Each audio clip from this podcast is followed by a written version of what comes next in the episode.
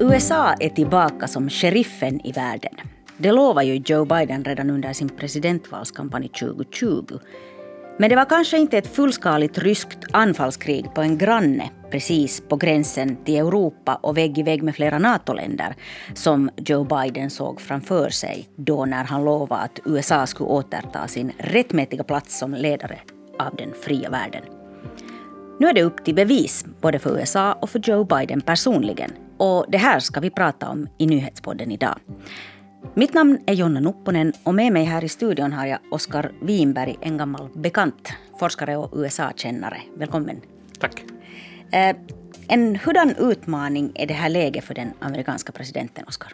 Det är en väldigt stor utmaning. Man skulle kunna nästan säga att det är en utmaning som kommer att definiera i varje fall den här första eh, perioden av Joe Bidens tid i Vita huset, eh, ser det ut som. Så, så en väldigt stor utmaning. Mm. Och Joe Biden är ju på besök i Europa just nu och, och, det här är ett besök som har beskrivits som den viktigaste utlandsresan under hans presidentskap. Så förväntningarna har ju varit därefter mycket höga. Inte undra på att Biden själv vill understryka den här nyfunna enigheten i västvärlden. Vi ska höra hur han sa på en presskonferens igår. NATO has never, never been more united than it is today. Putin is getting exactly the opposite what he intended to have as a consequence of going into Ukraine. We've built that same unity with our European, the European Union and with the leading democracies of the G7. Putin får precis det motsatta till vad han ville med attacken mot Ukraina, säger Joe Biden här. Det finns ingen splittring, inte i Nato, inte i, med EU och inte med G7-länderna, menar han på. Eh, Europa väntade sig att USAs president skulle komma och visa vägen för hur man går vidare i motståndet mot Ryssland och dess krig i Ukraina. Visar Biden på den här vägen? Det tycker jag man kan säga. Och här är det ju viktigt att komma ihåg att, att även om vi kan tala om, om de här detaljerna i vad Biden lovar och, och hur det går vidare från nu, så det allra viktigaste var ändå det här att visa enighet. Att visa, man kommer hit, man tar det här på allvar. Det här är liksom den för främsta äh, frågan på agendan i, i Vita huset och att man står gemensamt. Och det här var ju någonting som, som Biden själv var inne på, att, att det var kanske inte vad man hade förväntat sig eller, eller räknat med äh, i Ryssland när, när invasionen äh, satte igång. Och jag tror att det är det mest betydelsefulla i den här processen vi har sett under veckorna sedan invasionen började, mm. att USA och eh, Europa och NATO står så väldigt enade i frågan. Mm. Hur ser man i USA på kriget i Ukraina och, och den roll som USA nu då borde ha i det här nya globala säkerhetsläget? No, för det första så överskattar vi ju ofta eh, hur mycket personer överhuvudtaget bryr sig om politik, för att inte sen tala om, om utrikespolitik. Så mm. det är självklart att vi bör ta i beaktan också här att de flesta amerikaner följer inte aktivt med politik eller, eller utrikespolitik. Däremot så har de nog en, en stark uppfattning av A, att de inte vill vara i krig. Det är i synnerhet under 2000-talet har amerikanska soldater mer eller mindre ständigt varit i, i krigssituationer och, och det finns en, en trötthet äh, med krig, vilket man såg också i samband med, med tillbakadragningen av trupper från, från Afghanistan. Mm. Och sen då B, så upplever amerikaner en, en slags sån här hegemonikänsla som då går tillbaka till, till följderna av, av andra världskriget, där man upplever att, att Förenta Staterna ska finnas liksom med och leda, inte nödvändigtvis leda ensam, men att Förenta Staterna ska vara en aktiv del av ledarskapet i världen. Mm. Joe Biden borde ju strikt taget vara verkligen på sin mammas gata här nu. Uh, han är en gammal diplomat, gammal utrikespolitiker. Så han borde kunna det här stormaktsspelet, eller hur? Det stämmer och, och här är det också en sådan fråga att, att Biden har väldigt långa eh, förhållanden när det handlar om, om både inom det amerikanska säkerhets och, utrikesministerierna och, och kretsarna, men, men också i Europa. Och det är ganska avgörande i en sån här situation där man i första hand måste bygga upp eh, förtroende, tillit för att, att kunna stå i enad front. Vad står på spel för Biden personligen här? För Biden, vi måste komma ihåg att vi talar om en, en man som har en väldigt lång karriär bakom sig, uh, men det är ju ändå åren i Vita huset som kommer att, att definiera hans arv. Uh, mm. Han har kanske inte så väldigt stora ambitioner efter att han har lämnat Vita huset på grund av, av sin ålder, så det här är, är hans uh, stund att, att liksom etablera hur han kommer att, att framstå i historieböcker och, och hurdant arv han lämnar efter sig, både då politiskt men, men också så här eh, historiskt och, och, diplomatiskt. Hur tycker eh, du han sköter sig som världspolis? På många sätt tycker jag att det här är en, en, en chans för honom att liksom spela på sina styrkor, att, att visa eh, det som han kanske kan bäst, alltså mm. eh, de här stora stormaktsspelet och, och, och, hans roll i att, att framstå som gå tillbaka till det som Förenta Staterna skulle vara, alltså den, den retoriken som han för, att, att om det talades mycket om splittringen mellan Europa och, och Förenta Staterna under de senaste fem åren, eh, så Bidens mål där är definitivt att liksom cementera den här återkomsten av, av det gamla goda Förenta Staterna, så att säga. Mm. Och han pratar ju själv väldigt mycket om det här redan under sin presidentvalskampanj. Men sen kanske inte det hände så hemskt mycket på den fronten. Och, och det här tillbakadragandet från Afghanistan har han fått en hel del kritik för. Eh, framstår han på något sätt i ny dagar nu som någon slags krigstida ledare? eh, och inte som svag och som vissa kritiker till och med elakt har sagt att han är gammal och glömsk. Jag skulle säga att, att det intressanta i den här frågan är ju det att, att åsikterna är i väldigt lång grad liksom låsta när det gäller äh, presidenten. Och, och, även när det handlar om, om, frågor där det kan finnas liksom en, en stor enighet eller en, en stor majoritet som, som tycker något i Förenta Staterna, mm. äh, så åsikterna ändå låsta när, när det gäller presidenten. Och, och talande för det här är opinionsundersökningar som visar att, att när man frågar om, om hur Bidens beslut har varit, huruvida man tycker att han har fattat rätt beslut eller fel beslut, eh, då är det nästan uppe i 60 procent som säger att han, han har fattat rätt beslut när det gäller uttryckligen då Ukraina. Eh, men de här samma personerna, när man frågar om de godkänner vad Biden har gjort, så sjunker siffran plötsligt tillbaka till 43. Eh, och det visar mm. att den här personen, alltså alltså presidentinstitutionen, är någonting där åsikterna är låsta. Att fast du tycker att han agerar rätt, så tar du den här partipolitiska linjen när det kommer till huruvida du godkänner, approve, äh, av presidentens agerande. Men ändå så finns det en sån, sån ny, något bräcklig kanske enighet i USA just nu mellan republikaner och demokrater, åtminstone när det gäller den här Ukraina-frågan. Kongressen har lyckats enas om ett jättestort eh, ekonomiskt biståndspaket till Ukraina på 13 miljarder dollar. Varför lyckas det här? delvis så är utrikespolitik och, och har också varit under under de här turbulenta åren med, med Donald Trump i, i Vita huset, så var utrikespolitik ändå en fråga där republikaner och demokrater i kongressen kunde nå varandra. Och, och det skedde ibland till och med på bekostnad av, av Trump, att republikanerna i kongressen eh, förde sin agenda fram. Jag tänker bland annat på när, när Trump, eh, situationen när, när man drog tillbaka eh, stöd från, från kurderna i samband med, med Syrien och, och Isis, så fanns det republikaner som var helt bekväma att, att öppet äh, kritisera eller gå mot Trumps linje äh, eftersom det finns en sån här ska vi säga, en, en konsensuspolitik när det gäller utrikespolitik.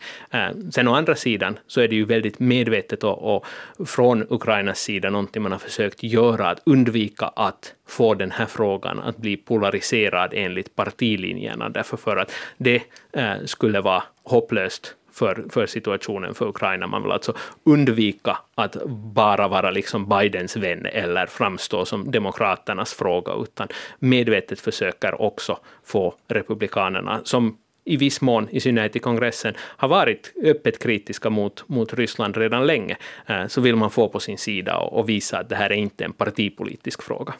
Hur ser stödet nu ut för Joe Biden egentligen inrikespolitiskt att driva igenom ytterligare till exempel sanktioner eller ytterligare ekonomiska paket eller till och med något militärt stöd, till exempel några vapenleveranser till Ukraina?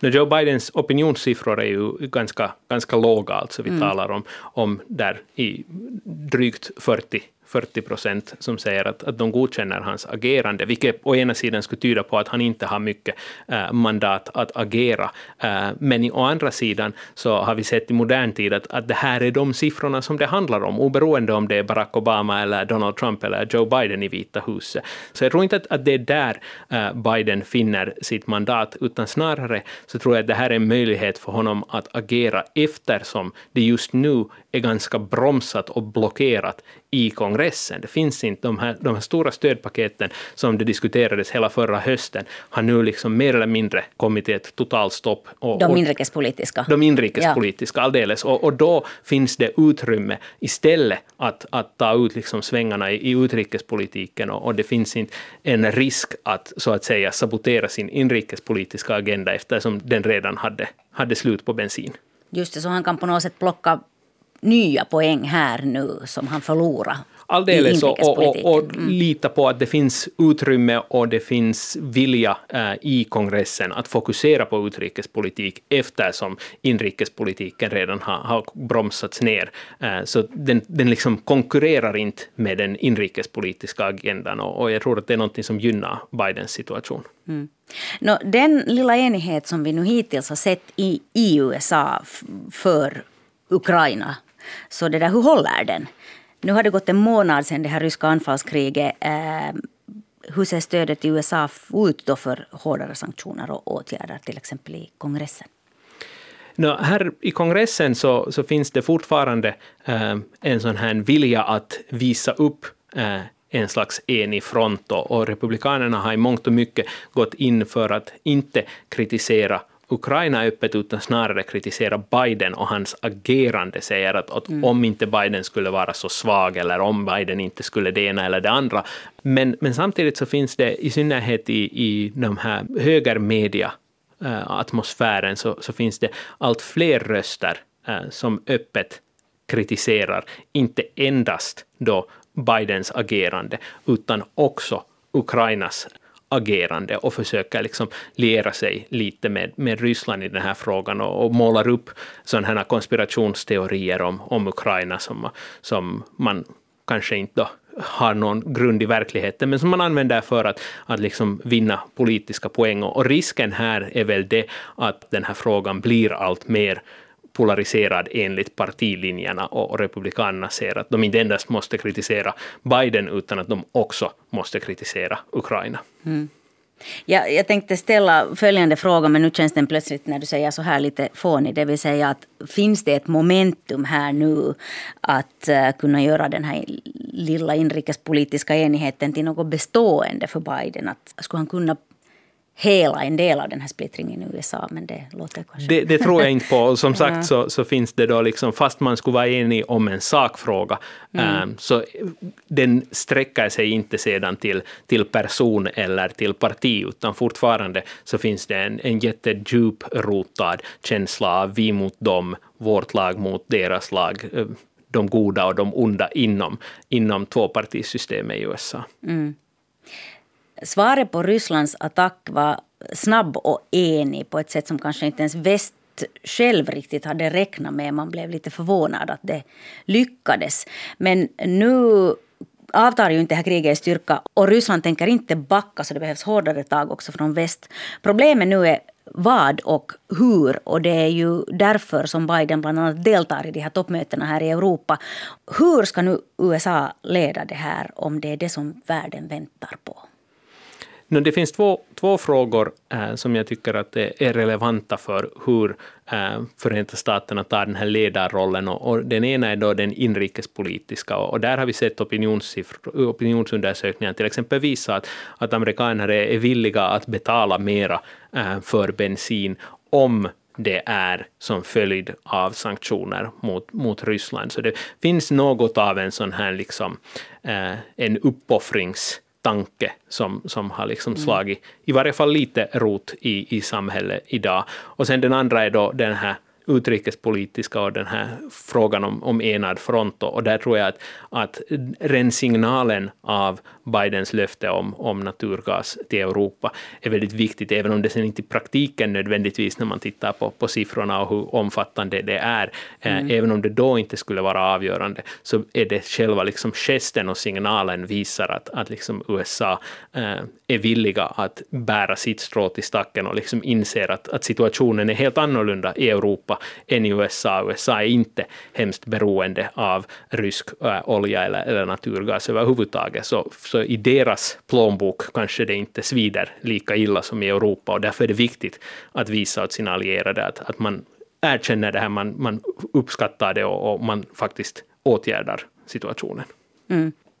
Det är väldigt tydligt nu att Biden tar USA tillbaka till den globala arenan och det här var ju kanske också en världshändelse som gjorde det ganska lätt för USA att stiga in dit på den här arenan igen. Men vilka förutsättningar har USA att på längre sikt hålla kvar det här återtagna världspolisskapet? Ja, man kan ju säga att, att det på många sätt är liksom följden av andra världskriget och, och det börjar vara ganska länge sedan när mm. vi tittar tillbaka i, historieböckerna. Um, frågan är, är det hållbart på 2000-talet uh, alls att, att ha en sån slags uh, uppfattning om, om amerikansk hegemoni uh, som präglar andra hälften av, av 1900-talet. Men där är ju inte Ryssland den centrala aktören, utan då börjar man ju vända blickarna istället mot Kina mm. och, och fundera på hurdana hotbilder det kommer därifrån. Men att för att stå emot ett sånt hot så är det också avgörande för Förenta Staterna staterna att faktiskt kunna stå enade med, med Europa i synnerhet inom de här eh, NATO-gemenskapen. Och, och, det är ju någonting som, som den här krisen har liksom faktiskt framhävt att, att helt annan eh, stämning inom NATO eh, verkar det vara när man, man ser presskonferenser än vad det var under tidigare år. Oskar Winberg, stort tack för att du kom hit igen och förklarade det här för oss. Eh, du har lyssnat på nyhetspodden från svenska YLE och mitt namn är Jonna Nupponen. Producent är Ami Lassila, tekniker Jyrki Häyrinen. Fortsätt lyssna på oss.